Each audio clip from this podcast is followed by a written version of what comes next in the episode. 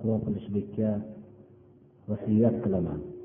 Alloh subhanahu va taolodan taqvo qilish insonning olloh huzurida mukarram bo'lishligiga yagona sababdir.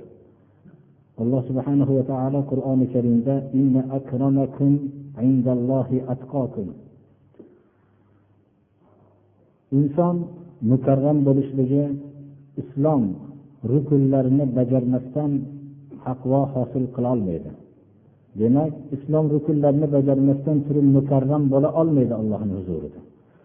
Islom rukunlari beshta bo'lib birinchisi la ilaha illalloh muhammadu rasulullohga shahodat berish aytib qo'yishlikni o'zi emas shahodat berishlik ya'ni sig'iniladigan zot yagona ekanligini muhammad alayhissalom ollohning rasuli ekanligini tasdiqlashlikdir. Va shu qilayotgan amallari shu kalimaga guvohlik bersin. Namozni barpo qilish zakotni o'tashlik va ramazonda bir oy ro'za tutishlikdir va yo'lga qodir bo'lsa haj qilishlikdir. Biz hozir hajga musulmon birodarlarning borish arafasida turibmiz. Shuning uchun hajning ba'zi qismlariga xutbamizda bir ishora qilib o'tamiz. Haj faqat hajni o'zini niyat qilishlik mumkin yoyinki umra bilan hajni birga juftlab niyat qilishlik mumkin buni qorin deyiladi. Va hammasidan ham afzali mutamatti ya'ni avval umraga labbayka aytib labbayka bi umra deb ehrom kiyib keyin ehrom e, bu umra amallarini bajargandan keyin hajga ehrom bog'lab haj qilishlik bu mutamatti rasululloh sollallohu alayhi vasallam buyurgan hajdir. Shunga targ'ib qildilar va buyurdilar. Va shuning uchun ham eng hajning amalning afzali mutamatti suratida haj qilgan kishilardir. Umra birinchi ehrom bog'lamoqlik labbayka bi umraga ehrom bog'ladim deb ehrom bog'lamoqlikdir shu narsani aytib o'tishimiz kerakki birodarlar ko'p iqlimlarning turli bo'lishligi bilan sovuq o'lkalarda yashayotgan hajga boruvchi kishilar ehromni ba'zilari uyda ehrom bog'lashib ancha yo'lda qiynalib qolishadilar. Bu ehrom bog'lashlik bu yerdan ehrom bog'lash shart emas. Ehrom miqot ya'ni ehromsiz kirib bo'lmaydigan joyga borib turib ehrom bog'lash bo'lsa shart shu shartni bajargan bo'laveradi. Masalan jiddaga yetishlikdan tayyoraning yetishligidan taqriban ehtiyotroq uchun bir soat ilgari tayyorani o'zida ehrom bog'lab olsa shu ehrom kifoya qiladi. Shunda savol tug'iladiki tayyorada biz g'usul qilishlik imkoniyati yo'qu degan savol tug'iladi. G'usulni uyda shu ehrom niyatida g'usul qilinib tayyorada tahorat qilib olsa bo'laveradi. Shu g'usul qilgandan keyingi tahorati nechi marta singan bo'lsa ham alohida shu tayyorada ehrom kiyishlikdan ilgari tahorat qilib ehromni kiyib olaveradi. Mabodo shu bir odam tahorat qilishlikka ham imkoniyat yo'q bo'lgan surat bo'lib qolsa miqotga kirib qolishligini tashvishi bo'ladigan bo'lsa ehromni kiyib olaveradi birodarlar. Avvaldagi ehrom niyatidagi g'usul va tahorat inshaalloh kifoya qiladi. Ehrom bog'langandan keyin birinchi umraning amallari tavofdir. Tavof baytullohni yetti marta aylanishlikdir. Hajarul asvaddan boshlanadi. Bismillah allohu akbar deb boshlaydi. Shu yerdan hajarul asvaddan boshlashib boshlab yana qaytib kelishligi bir marta bo'ladi. Shundan yetti marta aylanadi. Rukni yamoniy hajarul asvad tarafidagi tomon rukni yamoniy hisoblanadi. Bu tarafni ushlashlik sunnat amallardan. Borib ushlashlikka qodir bo'lsa ushlaydi. Bo'lmasam ishora ham qilmaydi va o'tmaydi. Ham ammo hajarul asvadni qodir bo'lsa borib o'padi o'pishlik sunnat. Agar qodir bo'lmasa qo'li bilan ishora qilib qo'lini o'padi. Shu kifoya qiladi. Rukni yamoniy bilan hajarul asvad o'rtasida robbana atina fid dunya hasana va fil oxirati hasana va qina azaban nar rasululloh sollallohu alayhi vasallam shu duoni o'qiganlar. Boshqa duolarni xohlagandaqa o'qiveradi ma'sur maxsus bir duolar yo'q boshqa joyda o'qiydigan. Faqat rukni yamoniy bilan hajarul asvad o'rtasidagina robbana atina fid dunyoni o'qiydi. Shuning uchun bir kishi davomiy suratda tilovat qilsa ham unda ham afzal bo'laveradi. Tavof qilingandan keyin zamzam ichib zamzam ichib safo marva tarafga qarab o'tadi. Safodan boshlaydi alloh subhanahu va taolo qur'onda safodan boshlab marva tarafga qarab yuradi. Shu yerda kabatullohni safoda va marvada qo'lini ko'tarib takbir aytadi. Shuning uchun safodan boshlab marvada tamomlaydi. Borishi bitta bo'ladi. Kelishi ikkinchi bo'ladi. Shu bilan yetti marta boradi? Ko'k chiroq yoqib qo'yilgan qismda yuguradi. Yoinki o'zini yugurgan shaklga olib turadi. Odam zich bo'ladigan bo'lsa. Shu bilan sochini qisqartiradi. Yoinki to'la oldiradi. Mutamaddi bo'lgan kishilar bu yerda sochini qisqartirib hajda to'la olishliklari afzaldir. Chunki rasululloh sollallohu alayhi vasallam hajda uch marta aytganlar. Sochini to'la oldirganlarga ollohni rahmati bo'lsin dedilar. Sochini qisqartirganlarga ham bo'lsinmi? Deganlarda sochini to'la oldirganlarga bo'lsin dedilar. Sochini qisqartirganlarga ham bo'lsinmi? Deganlarda sochini to'la oldirganlarga bo'lsin dedilar. To'rtinchisida sochini qisqartirganlarga ham bo'lsinmi? Deganlarda mayli sochini qisqartirganlarga ham bo'lsin dedilar. Demak hajda uch marta to'la oldirishlik bu sunnatdir. Shuning uchun uch marta rahmat olishlikka rahmatga muhtoj odam sochini to'la oldiradi. العمل الصالح فيها أحب إلى الله من هذه الأيام يعني أيام العشر قالوا يا رسول الله ولا الجهاد في سبيل الله قال ولا الجهاد في سبيل الله إلا رجل خرج بنفسه وماله فلم يرجع من ذلك بشيء imom buxoriy rivoyatlari payg'ambarimiz sollallohu alayhi vasallam aytdilarki solih amallar ollohga shu zulhijja oyining avvalgi o'n kunida suyumli bo'lgandaqa suyumli emas dedilar bu kundagi solih amallarni olloh nihoyatda yaxshi ko'radi Hatto shunda rasululloh sollallohu alayhi vasallamdan savol qilishdilarki ashoblar bilishadilar olloh yo'lidagi jihoddan hech narsa afzal emas ekanligini. Hatto ollohni yo'lidagi jihod ham afzal emasmi dedilar. Deganlarda payg'ambarimiz sollallohu alayhi vasallam aytdilarki bu kundagi amali solihdan ollohni yo'lidagi jihod ham afzal emas dedilar.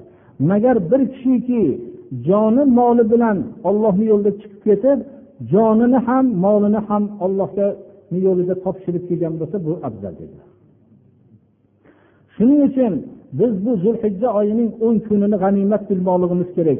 Solih amallar bilan shariat buyrug'iga muvofiq yashashlik bilan shariat man qilgan narsalardan o'zimizni tiyishligimiz bilan. Arafa kunida ro'za tutishlikka qolgan birodarlar e'tibor bermoqliklari kerak. rasululloh sollallohu alayhi vasallamdan abu abu qatoda rivoyat qiladilarki rasululloh sollallohu alayhi vasallam عن صوم يوم عرفة قال تكفر السنة الماضية والباقية إمام مسلم رواية لنا payg'ambarimiz sollallohu alayhi vasallamdan arafa kuni ro'za tutishlikdan so'rashdilar shunda aytdilarki o'tgan va kelajak yillardagi gunohlarni olloh kaforat qiladi dedilar mana bu narsani biz g'animat bilmoqligimiz kerak shu kunlar yetib kelyapti birodarlar bu kunlarda g'ofillik bilan o'tib qolmasligimiz kerak alloh subhana va taoloning rasuliga juma kunlarida ko'p salovat aytmoqligimiz kerak إن الله وملائكته يصلون على النبي يا أيها الذين آمنوا صلوا عليه وسلموا تسليما الله السلام عليكم ورحمة الله وبركاته alloh subhanahu va taolo hozirgi o'tayotgan zulhijja oyining avvalgi o'n kunidagi barakotlardan dunyodan har bir burchagidan musulmonlar hajga borishib allohni buyrug'iga labbayka aytishib shu kunlarning barakotlaridan bahramand bo'lishayotganliklari qatorida alloh subhanahu va taolo boshqa musulmonlarni ham bahramand qilsin rasululloh sollallohu alayhi vasallam mana aytdilarki ما من أيام العمل الصالح فيها أحب إلى الله أحب إلى الله تعالى من هذه الأيام يعني أيام العشر. قالوا يا رسول الله ولا الجهاد في سبيل الله؟ قال ولا الجهاد في سبيل الله إلا رجل خرج بنفسه وماله فلم يرجع بشيء منها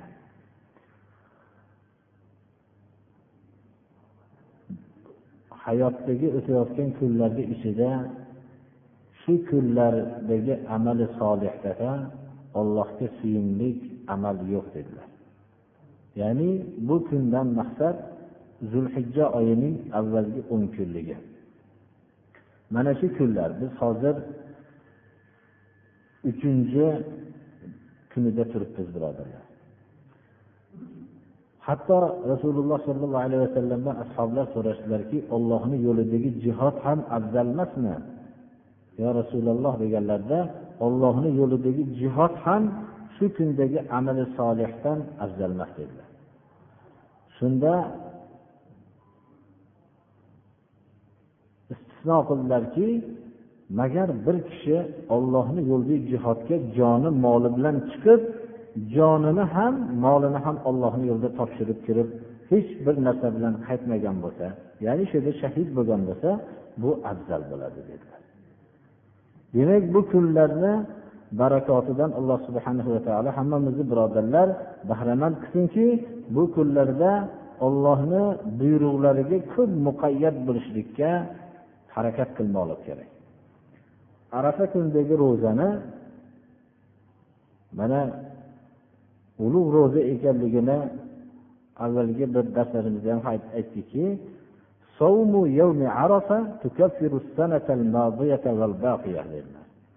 arafa kunidagi ro'za tutish o'tgan va kelajak yillardagi gunohlarga kafforat bo'ladi dedilar.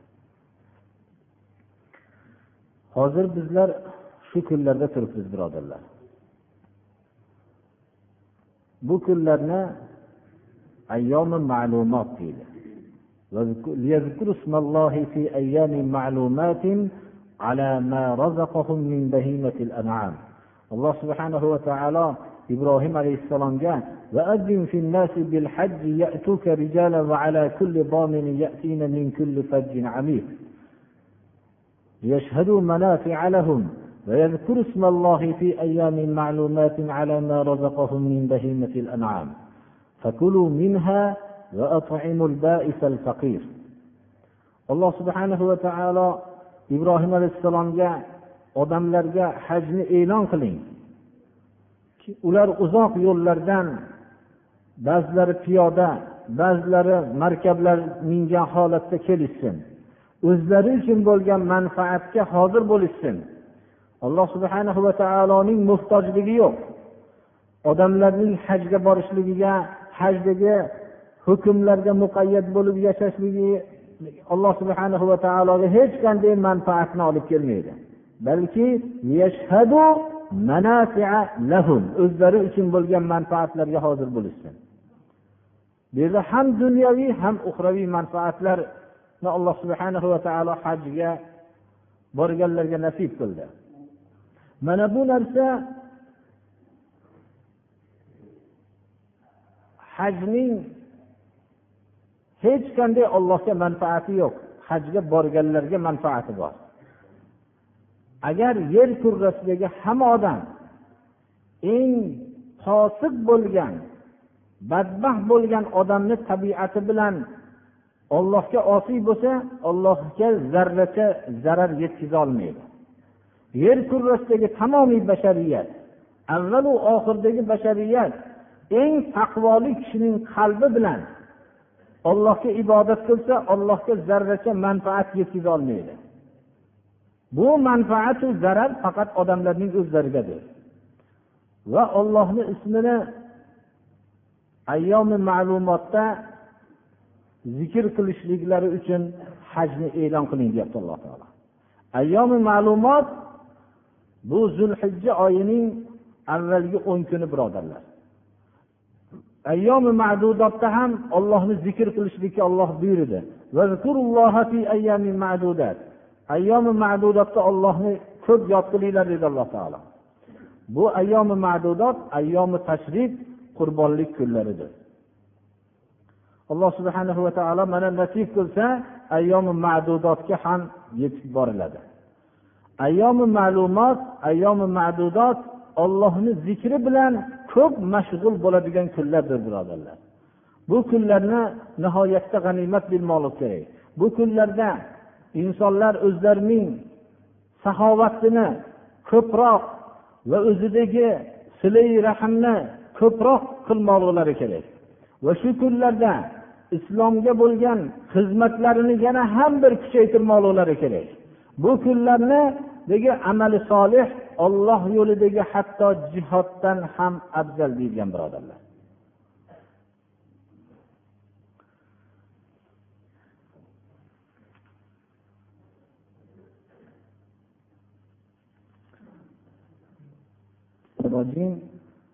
واتخذ قوم موسى من بعده من حليهم عجلا جسدا له خوار ألم يروا أنه لا يكلمهم ولا يهديهم سبيلا اتخذوه وكانوا ظالمين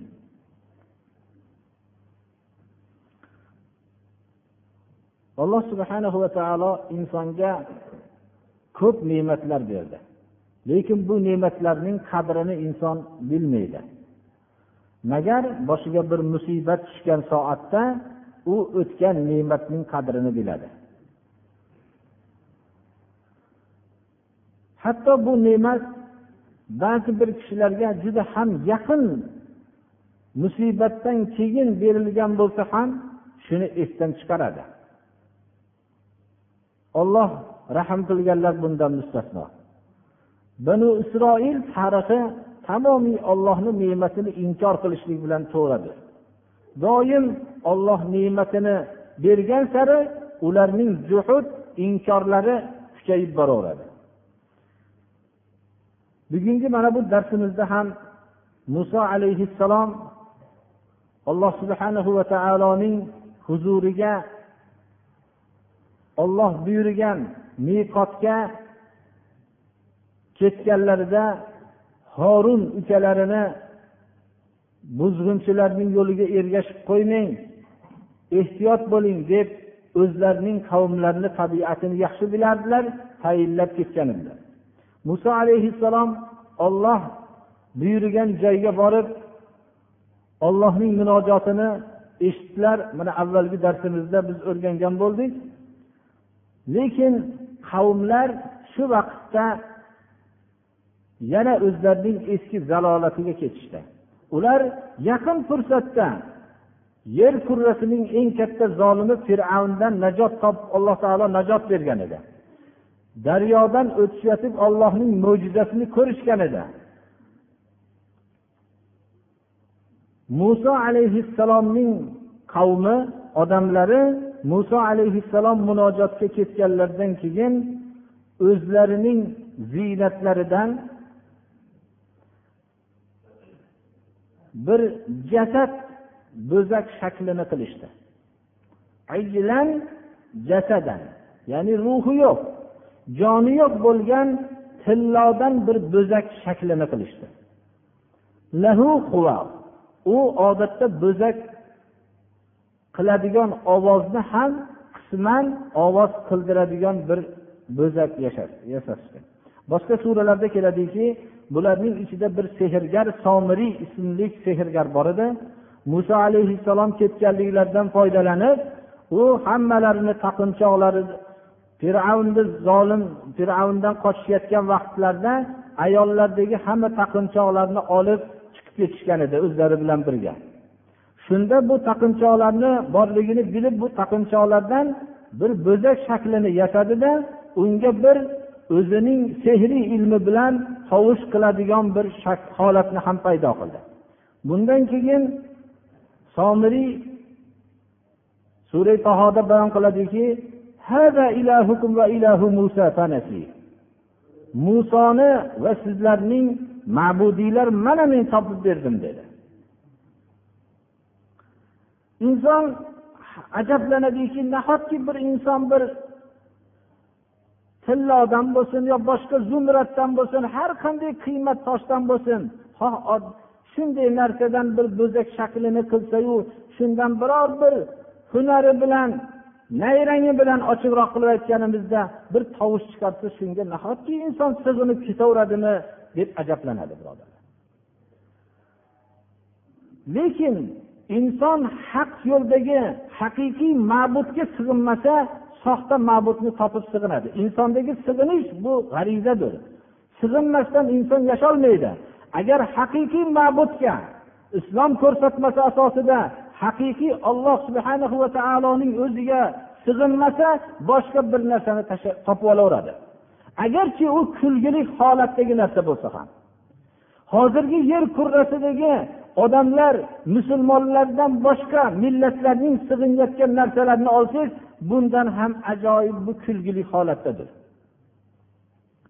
Hinduslarning mollarini ko'ring.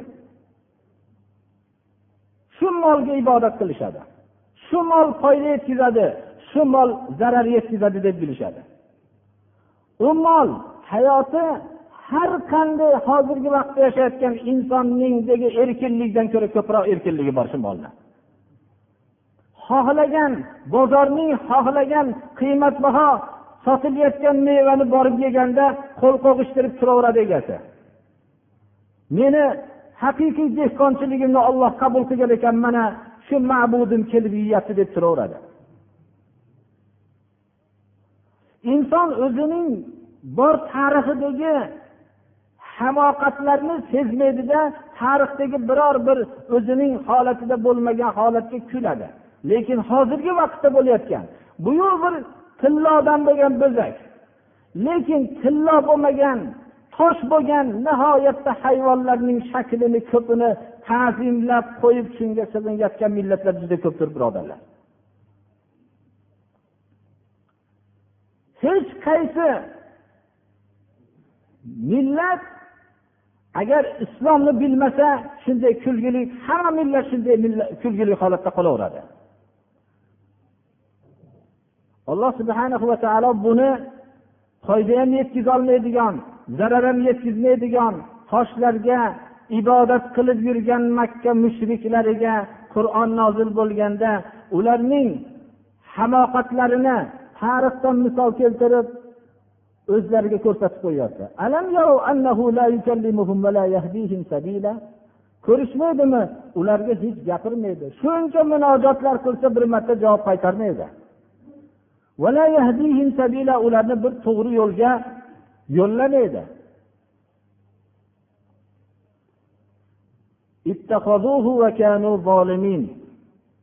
tillodan bo'lgan bo'zakni o'zlariga ma'bud qilib olishdi va zolimlardan ya'ni mushriklardan bo'lishdi mushriklar o'ziga zulm qilgan kishilar ولما سقط في أيديهم ورأوا أنهم قد ضلوا قالوا لئن لم يرحمنا ربنا ويغفر لنا لنكونن من الخاسرين nadomat qilishdi Ya'ni bu bo'zakka munojot qilishda bu hech qanday bir foyda yo zarar yetkazgani yo'q. Bular nadomat qilishdi va o'zlarining adashgan ekanliklarini bilishdi. Shunda rabbimiz bizga rahm qilmasa va gunohlarimizni mag'firat qilmasa biz ziyonkorlardan bo'lishligimizda shak shubha yo'q deyishdi.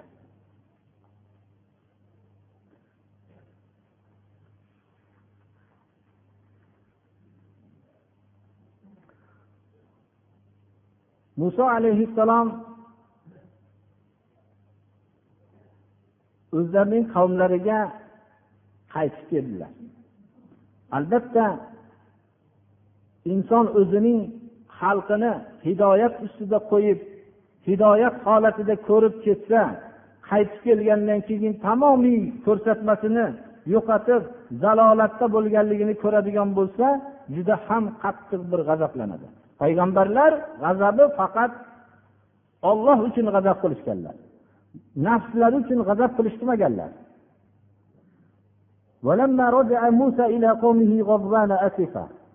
Qattiq g'azab bilan muso alayhissalom o'zlarining odamlarini oldiga qaytib kelganlarida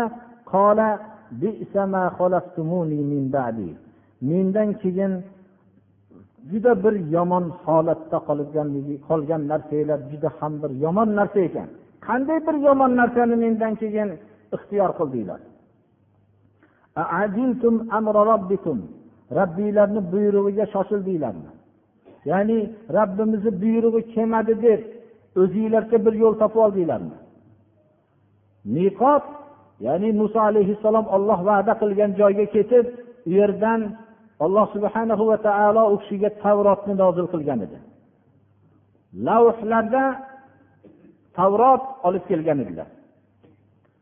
Biz avvalgi darsimizda aytdikki qanday munojot qildi? Buni kayfiyatini inson bilmaydi va u lavhlar qanday shaklda bo'lgan? Bizni uni kayfiyati bizga qorong'u va alqol alvaha qo'llaridagi g'azab insonni holatini o'zgartirib tashlaydi. Lavhlarni tashladilarda va ukalari horunni boshini ushlab o'ziga tortib nima qilganing bu dedi men senga tayinlagan edim deb shunday qattiq bir horun ukalariga qattiq bir tegdilar قال يا ابن أم إن القوم استضعفوني وكادوا يقتلونني فلا تشمت بي الأعداء ولا تجعلني مع القوم الظالمين ey tug'ishganim dedilar horun albatta bor kuchlarini ishlatgan edilar Ularning noto'g'ri yo'lga ketishlikdan saqlanib qolishliklari uchun hamma kuchlarini ishlatgan edilar odamlar meni zaiflashtirishdi.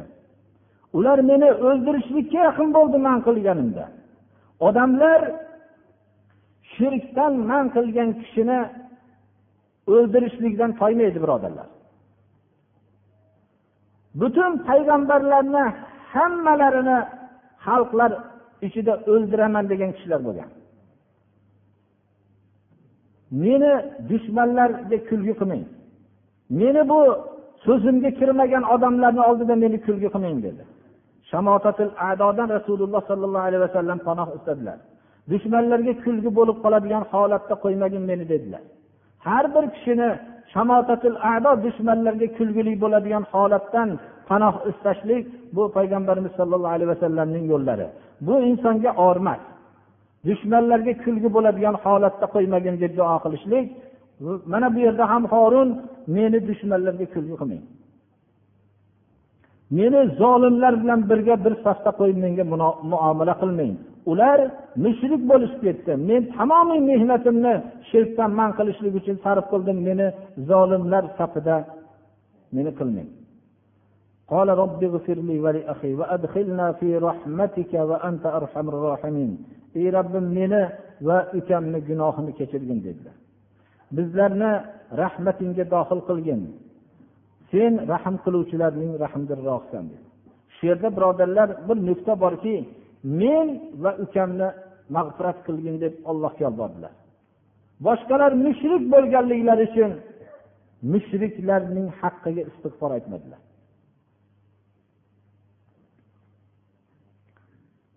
albatta bu keyingi oyatlar vallohu alam shuni ko'rsatadiki bu kishilarning ichida ba'zi bir salohiyat yo'lida mahkam qolgan kishilar borligiga dalolat qiladi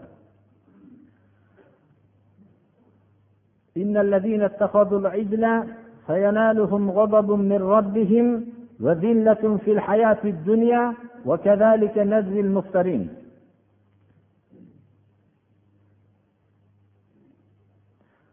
bo'zakni o'zilariga o'zlariga ma'bud qilib olgan kishilar ularga tezda yaqin kelajakda robbilaridan g'azab yetadi va hayoti dunyoda xorlik ularga bo'ladi bo'xton qilib ollohni haqqiga shunday bo'xtonlarni qilgan kishilarni shunday jazolaymiz والذين عملوا السيئات ثم تابوا من بعدها وآمنوا إن ربك من بعدها لغفور رحيم xato ishlarni qilgan kishilar keyin bu xatolarni xato ekanligini bilib tavba qilgan kishilar iymon keltirishgan bo'lsa tavbalaridan keyin yana shirklardan voz kechib iymonlarini yangilashgan bo'lsa sizni rabbingiz ularning tavbalaridan keyin gunohlarni kechiruvchi va rahm qiluvchi zotdir. Inson doim bir o'zining qilgan xatosini bilib iymon yo'liga o'tishligi bilan alloh subhana va taolo uni gunohlarini mag'firat qiladi ولما سكت عن موسى الغضب أخذ الألواح وفي نسختها هدى ورحمة للذين هم لربهم يرهبون muso alayhissalomdan g'azab tinchlangan edi tashlagan lavhlarni oldilar lavhning nusxasida robbilaridan qo'rqqan kishilarga hidoyat va rahmat kalimalari yozilgan edi. Ya'ni rab alloh subhana va taolo tarafidan tushgan muqaddas kitoblar ollohdan qo'rqqan kishilarga hidoyat bo'ladi. Qur'oni karimni bilgan shunday zalolatda bo'lgan kishilar juda ko'p birodarlar. Nima uchun? Ularda ollohdan qo'rqishi yo'q. Din bilan kurashib yurgan son sanoqsiz qur'onni bilganlar bor. Bular ollohdan qalbida qo'rqishlik bo'lmaganligi uchun hidoyat bo'lmaydi. Alloh subhana va taolo o'zidan qo'rqqan haybat qilgan kishilarga o'zining nozil qilgan tarixdagi muqaddas kitoblarini va qur'oni karimni hidoyat qildi va rahmat qildi.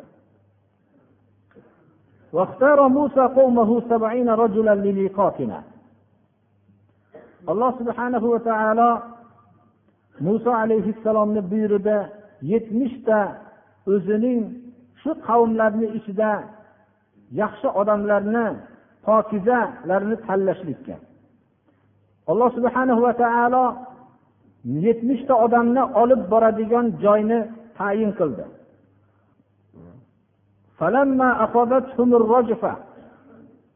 o'tgan millatlarning alloh subhana va taolo tavbalarini turli suratda qildi. Sura baqarada biz avvalgi darslarimizda aytganmizki alloh subhana va taolo bir biringlarni ya'ni osiy bo'lganlarni alloh subhana va taolo bir havoda bir bir birlarini ko'rmaydigan bir tumanlikni paydo qildida bir birini o'ldirishlikka buyurdi. Mana bu narsa ularning tavbasi bo'ldi. Tavbasi maqbul bo'lgan vaqtda bu tumanlik ko'tarildi. Mana bu avvalgi biz sura baqaradagi darsimizda buni aytib o'tganmiz. Bu yerda rajifa qattiq bularga bir titrov bir qattiq bir sayha qattiq bir tovush ularni halok qildi. Ya'ni behush qilib qo'ydi. قال رب لو شئت أهلكتهم من قبل وإياي أتهلكنا بما فعل السفهاء منا إن هي إلا فتنتك تضل بها من تشاء وتهدي بها من تشاء وتهدي من تشاء أنت ولينا فاغفر لنا وارحمنا وأنت خير الغافرين muso alayhissalom allohga yolbordi hamma behush bo'lib qoldi shunda yolbordilarki ey robbim agar xohlasang bularni bu bo'zakka ibodat qilishliklaridan ilgari halok qilib tashlarding. Meni ham halok qilib tashlarding. Sening mashiating mutlaqdir. Agar alloh subhana va taolo xohlasa butun olamni bir daqiqada yo'qotib yuboradi bu ichimizdan nodon mushriklar qilgan narsa bilan bizlarni halok qilmagin. Bu sening imtihoningdir. Bu imtihon bilan xohlagan odamlarni adashtirasan xohlaganlarni hidoyat qilasan. Sen bizning yordamchimiz nosirimizsan mavloyimizsan. Bizlarning gunohlarimizni kechirgin va rahmatingga olgin deb sen mag'firat qiluvchilarning eng yaxshisisan deb iltijo qildilar ya'ni behush bo'lib qolinganda bu yetmishta odamni tanlab keldilarki bularning tavbalari boshqalarning ham tavbalari bo'lishligi uchun. واكتب لنا في هذه الدنيا حسنة وفي الآخرة حسنة. واكتب لنا في هذه الدنيا حسنة وفي الآخرة إنا هدنا إليك. قال عذابي أصيب بها من به من أشاء ورحمتي وسعت كل شيء. فسأكتبها للذين يتقون ويؤتون الزكاة والذين هم بآياتنا يؤمنون. Bu dunyoda bizlarga hasanot kitobat qilgin. Va oxiratda ham yaxshiliklarni kitobat qilgin deb munojat qildi biz senga qaytdik. Alloh subhanahu va taolo muso alayhissalomga nido qildiki mening azobim bu azobim bilan xohlagan odamga bu azobimni yetkazaman. Rahmatim har bir narsaga yetgan. Alloh subhana va taoloning rahmati har bir narsaga yetgan. Lekin bu dunyodagi holat bu. Alloh subhana va taoloning rahmatini hadislar shunday tushuntirganki yuzga bo'lingan rahmatining bir donasini alloh taolo dunyoga tushirdi. Bir dona shu rahmat bilan ota onalar farzandiga mehribonlik qilishadi. Shu rahmat bilan hayvonlar bolalariga mehribonlik qiladi. Shu rahmatdan taqsim qilingan narsa bilan yirtqich vahshiy hayvonlar ham bolalarga bolalariga mehribonlik qiladi. Alloh subhana va taoloning to'qson to'qqizta rahmati oxiratga olib qo'yilgan. Allohga ming hamdlar bo'lsinki bu gunohlarga ollohning rahmati bilan jannatga kirilmasa birodarlar shunchalik ko'p rahmat olib qo'yilmagan bo'lsa bu gunohlar bilan jannatga kirib bo'lmaydi birodarlar. Allohga ming hamdlar bo'lsinki ko'p rahmatini insonlar muhtoj bo'ladigan soatga olib qo'ydi. Lekin rahmatim dunyoda har bir narsaga yetgan deyapti alloh taolo. Kelajakda bu rahmatimni xos odamlarga kitobat qilaman deyapti. Kimlar ular?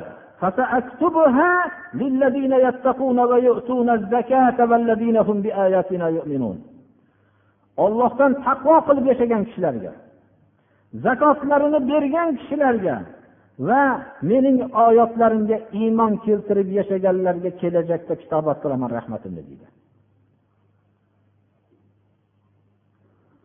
Shayton ham dunyoda ollohning rahmatidan bahramand bo'lib qiyomatgacha yashaydi.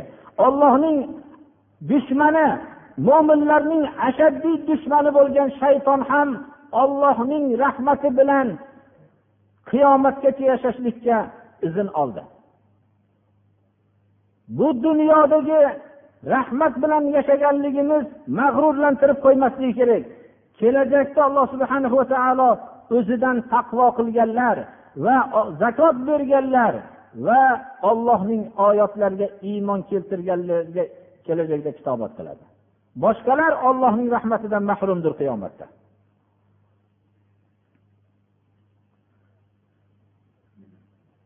الذين يتبعون الرسول.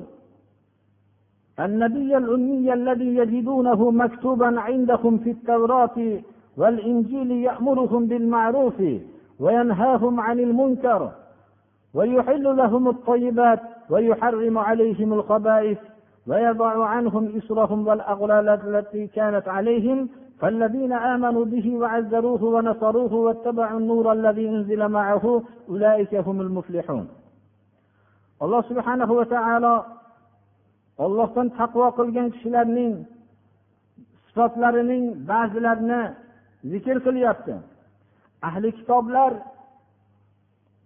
oxirgi payg'ambarni kutishardi. O'zlarining tavrot va injillarda oxirgi payg'ambarning o'zlari o'qib bilishib alloh subhana va taolo xabar bergan edi ahli kitoblarga. Oxirida oxirgi payg'ambarni jo'nataman deb yahud nasorolar muhammad alayhissalomni kutishardi. Lekin muhammad alayhissalom payg'ambar bo'lganlarida bizdan chiqmadi degan hasad bilan rasululloh sollallohu alayhi vasallamga kofir bo'lishdi. Alloh subhana va taolo taqvo qilgan kishilar hamma men taqvodorman deydi. Mollarda haqni berganlik bilan ham davo qilishligi mumkin. Allohning oyatlariga iymon keltirganlikni davo qilishlik ham mumkin. Lekin bu yerda birinchi ularning belgilarini alloh taolo bayon qilyaptiki rasulga ergashganlar. Payg'ambarimiz sollallohu alayhi vasallam ham rasul ham nabiy iqro bilan nabiy bo'ldilar muddassir bilan rasul bo'ldilar. Shu kishiga ergashgan kishilar taqvoni davo qilishlikka haqlari bor. U kishining sifatlari ummiy xat yozishni bilmaydilar. Alloh subhana va taolo o'zining mo'jizasini muhammad alayhissalomda ko'rsatdi. Xat yozishlikni bilmaydigan qilib yaratdi. Xat yozishlikni she'r yozishlikni mutlaqo bilmaydigan qilib yaratdi. Biz she'rni sizga o'rgatmadik she'r bu muhammad alayhissalom bunday shoir bo'lishlikka ya'ni u kishi pok insondir. Shoir bo'lishlik u kishiga loyiq emas. Mana bu yerda shunday ummiy o'zining rasulida mo'jizasini ko'rsatdi. Qur'oni karimni alloh subhana va taolo shu zotga nozil qildi. Hamma odamlar davrdagi odamlar u kishining hech qanday madrasa maktabda o'qimaganligini aniq bilishardilar. U kishidan o'qilib tilovat qilinayotgan qur'onni eshitishganlaridan keyin insoflilari alloh subhana va taolo tarafidan ekanligini bilishdilar. Mana bu kishiga ergashgan kishilarni alloh subhana va taolo taqvolik kishilarga sifat qilib olib kelyapti.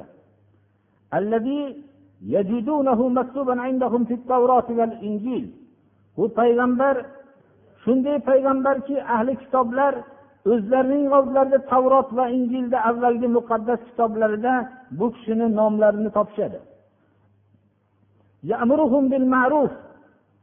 Muhammad alayhissalom ma'rufga buyuriydilar va munkardan qaytaradilar va ularga pok narsalarni halol qilib beradi. Qaysi shariati islomiy halol degan narsani tekshirsak birodarlar pok narsadir. Habis nopok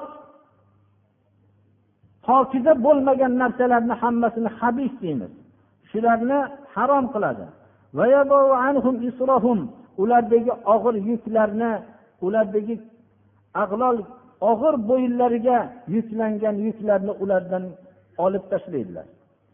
Ularni ilgarigi ma'siyatlari sababli bo'yinlarida qolgan yuklarni olib tashlaydilar. Bundan kinoya shuki payg'ambarimiz sollallohu alayhi vasallamga g'animatlar halol qilindi. Jihodda tushgan mollar hammasi halol qilindi. Avvalgi ummatlarga halol emas edi. Ba'zi ummatlarda ular g'animatni olib kelib yoqib yuborishardi. Yonsa ularning amallarini qabul bo'lganligini belgisi bo'lardi. Xullas juda ko'p avvalgi ummatlarning biror bir liboslariga bir nopok najas narsa tegsa uni albatta qiyib tashlashliklari kerak edi. Kesib tashlashliklari kerak edi. Rasululloh sollallohu alayhi vasallamning shariatlari bunday og'irliklarni yengil qilib olib keldi. Yuvishlik bilan toza bo'laveradi. Mana bu shularga ishoradir. Muhammad alayhissalomga iymon keltirganlar u kishiga u kishini quvvatlaganlar va nasaruhu yordam berganlar. U kishi bilanga tushirilingan nur qur'oni karimga ergashganlar haqiqiy najot topgan kishilar shulardir. Allohga muhabbatni hammamiz davo qilamiz. Lekin rasul sollallohu alayhi vasallamga ergashmasdan turib ollohni yaxshi ko'raman degan kishilar davosida kazzob bo'lgan kishilardir birodarlar.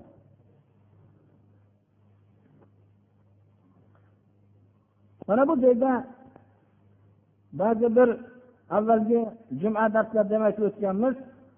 Ba'zi bir kishilar kashandalikka hujjat kerak.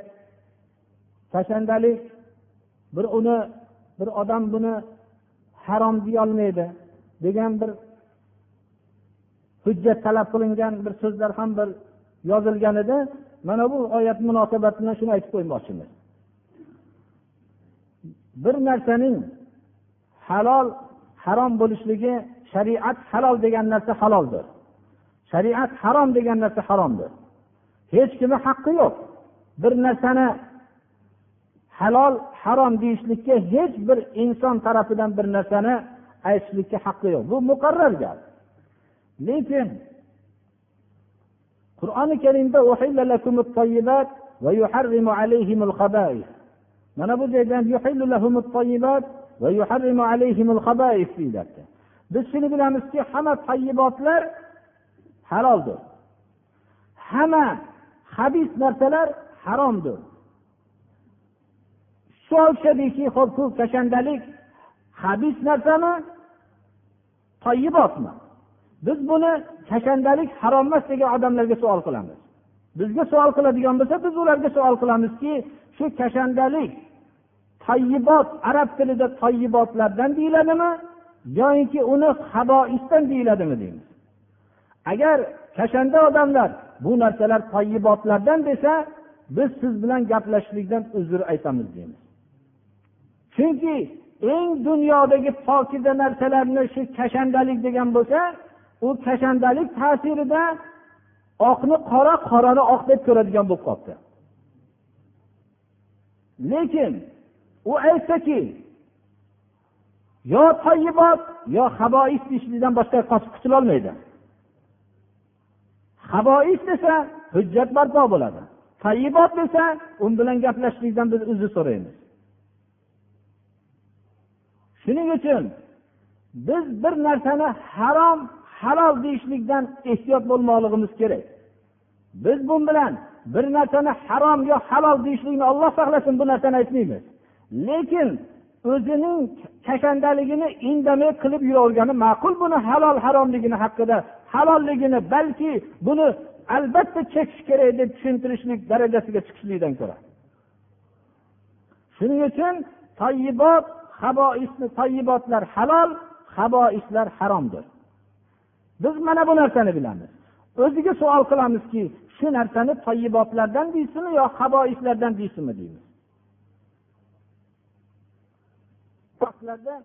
Uning hozirgi nomini qur'ondan topib bering deydigan darajada istaydigan kishilar bor hujjat. Unday desangiz juda ko'p mast qiluvchi ichimliklarni hozirgi nomlari bizni kitobi sunnatda zikr qilinmagan birodarlar.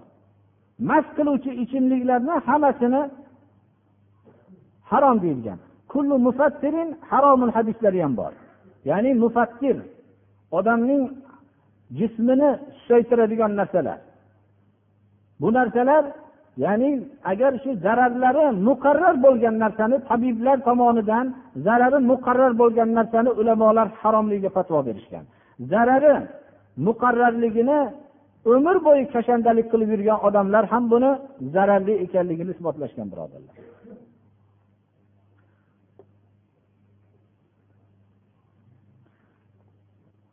Allohga hamdlar bo'lsinki bir davomiy mo'minlarni juma kunlari ularga iiddir chunki juma namozi alloh subhana va taolo qabul qilsa o'tgan jumadagi gunohlarga kafforat bo'ladi. Mo'min odam bir o'rindan gunohidan toza bo'lib turib ketishlikdan ko'ra katta xursandchilik yo'q. Alloh subhana va taolo o'zi qabul qilgan bo'lsa gunohlardan toza bo'lib turib ketilinadi mana buning uchun juma kunini biz id mo'minning idi deymiz. Faqat mo'minning ididir bu. Bu jumani bilmagan besh vaqt namozlarni farzligini bilmagan odamga musibat kundir u. Shunday katta daromadni qo'ldan berayotganligi bilan. Alloh subhana va taolo mana mo'minlarga ikkita idni berdi. Mo'minlar haqida sizlarning bayraminglar bormi desa ha bor bizning ikkita bayramimiz bor deb javob qilamiz. Bu ramazon idi va qurbon ididir va juma kunida bizga har haftada iddir boshqa idni boshqa bayramni islom tanimaydi birodarlar. Inshaalloh id ustiga id bo'lib yanagi juma kuni olloh nasib qilsa qurbon namozini o'qiymiz.